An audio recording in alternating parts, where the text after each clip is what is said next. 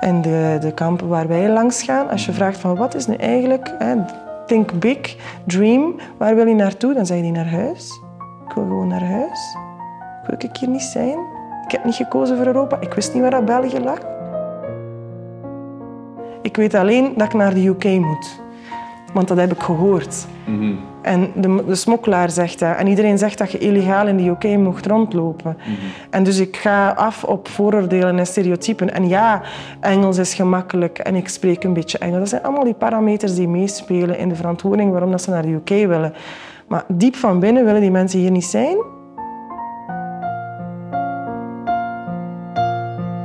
Ik las dat als je vier waart, vier jaar oud, dat je met je papa in een betoging liep met een bord geen raketje naast mijn bedje. Ja. dat is super schattig. Ja, en ik heb daar nog een foto van. Ik, zou dat eens moeten... maar ik denk dat dat bij mijn papa ligt. Maar dat is... mijn vader was bij de Vredesbeweging, hè, de periode van, eh, van de raketten ook. En hij was toen bij Vrede VZ2 aangesloten. En in heel veel kleine gemeentes, maar ook in Brussel, waren er toen betogingen eh, tegen raketten. En ik weet dan nog dat wij toen verkleed als Chineesje, hè, qua diversiteit Serieus? kan dat tellen. Hè. Alle kindjes moesten verkleed zijn. Dat was eigenlijk een beetje een soort carnavalsfeest.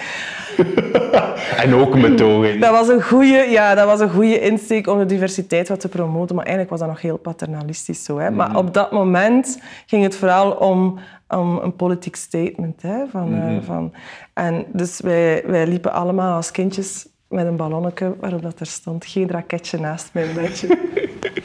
Vond je dat wijs? Ja, ik vond dat heel wijs. Ik vond, ja, omdat je... Mijn papa legde dat ook wel altijd heel goed uit, waarom dat we dat deden. Zo, ik, dat was niet... Allee, vier jaar. ja, ik voelde dat wel, dat dat zo iets was dat heel belangrijk was. En in dezelfde periode, maar een beetje daarvoor, dacht ik, hadden ook de hongersnood in Somalië. Ik weet niet of dat je dat nog herinnert als, als Nee. kind. Ik weet nog heel goed dat ik naar mijn ouders ging thuis, omdat we op de televisie eh, beelden van de hongersnood daar zagen. En je kent dat wel van die uitgemergelde kindjes, waar ze zo'n Ja, lepeltje ja. rijst in duwen en dan die kunnen niet meer... En al die vliegjes op die oogjes. Ja. En, ehm, en dan ging ik naar mijn vader en dan zei ik van als er nu zo'n kindje morgen zou aanbellen bij ons op de, aan de deur, zouden we hem dan een boterhammetje met confituur geven? En wat zei hij? Hij zei ja, we gaan dat Dat- doen. dus mijn wereldbeeld was nog heel klein, maar ik had wel al dat gevoel van allee, we moeten daar toch, je kunt dat toch niet zo laten gebeuren. Oudste dochter is, zes nu.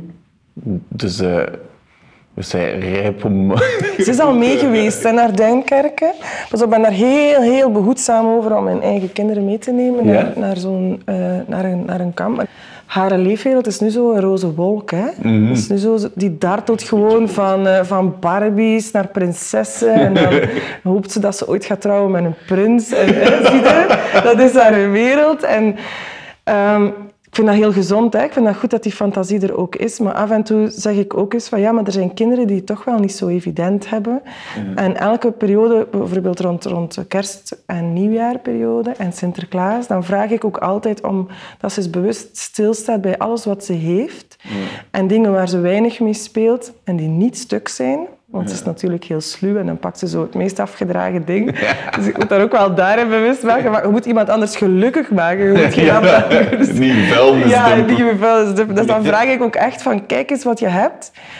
En zie eens of dat daar iets tussen zit waar dat jij van denkt dat je iemand anders daarmee gelukkig kunt maken. Ja. Of die het nodig zou hebben. En dan, dat lukt wel. Vanaf een bepaalde leeftijd lukt dat wel. Maar je, je kiest om haar op een bepaald moment mee te nemen naar, naar een kamp. En dan, dan zit het eigenlijk na te denken over welke hoeveelheid gruwel kan ik haar laten zien Ja, op dat dat is dubbel. Ik vind als je een kind meeneemt, moet je ook bewust zijn van het feit dat ik ben eigenlijk nog altijd hulpverlener en ik moet zorgen dat ik die rol kan uitvoeren. En tegelijkertijd moet je ook zorgen dat je de mensen die je daar ontmoet, ehm, niet als een soort dieren in de zoo een beetje gaat tentoonstellen aan elkaar. En zeggen van, tegen mijn kind bijvoorbeeld van kijk nu eens, hè, een, soort van, een soort van eurocentrische visie van kijk eens wat wij hier allemaal doen voor de mensen daar en hoe zielig en ellendig ze daar zitten. Dus ik ben daar heel bewust mee bezig over hoe die boodschap wordt overgebracht. Dat is ook de reden waarom ik haar nog maar één keer heb meegenomen. Hè. We zijn al een hele tijd actief en dat is de plaats waar ik haar naartoe heb meegenomen was een plaats waar dat op dat moment een activiteit was voor kinderen, waar een school eh, ja, gesetteld was. Dus dat was een heel veilige haven voor beide kanten. Wat er bijvoorbeeld heel mooi was, is dat we uitgenodigd zijn bij een gezin waar een kind was van dezelfde leeftijd van haar. En wij hadden speelgoed mee, we hadden van alles mee. Ehm, en dat kindje had intussen ook wel al een beetje speelgoed in haar uh, plekje waar ze sliep. En die hebben gewoon geruild. Anna gaf haar iets en die won dan, dat, kan, dat andere kindje begon te zoeken in haar spullen. Zo. Een mini klein popje, heeft hij nog altijd. Uh, en dat kindje gaf gewoon in ruil zo van hier, ik krijg dat van u, je krijgt dat van mij. En dat was het schoonste, denk ik, dat je op dat moment tussen kinderen kunt verwezenlijken.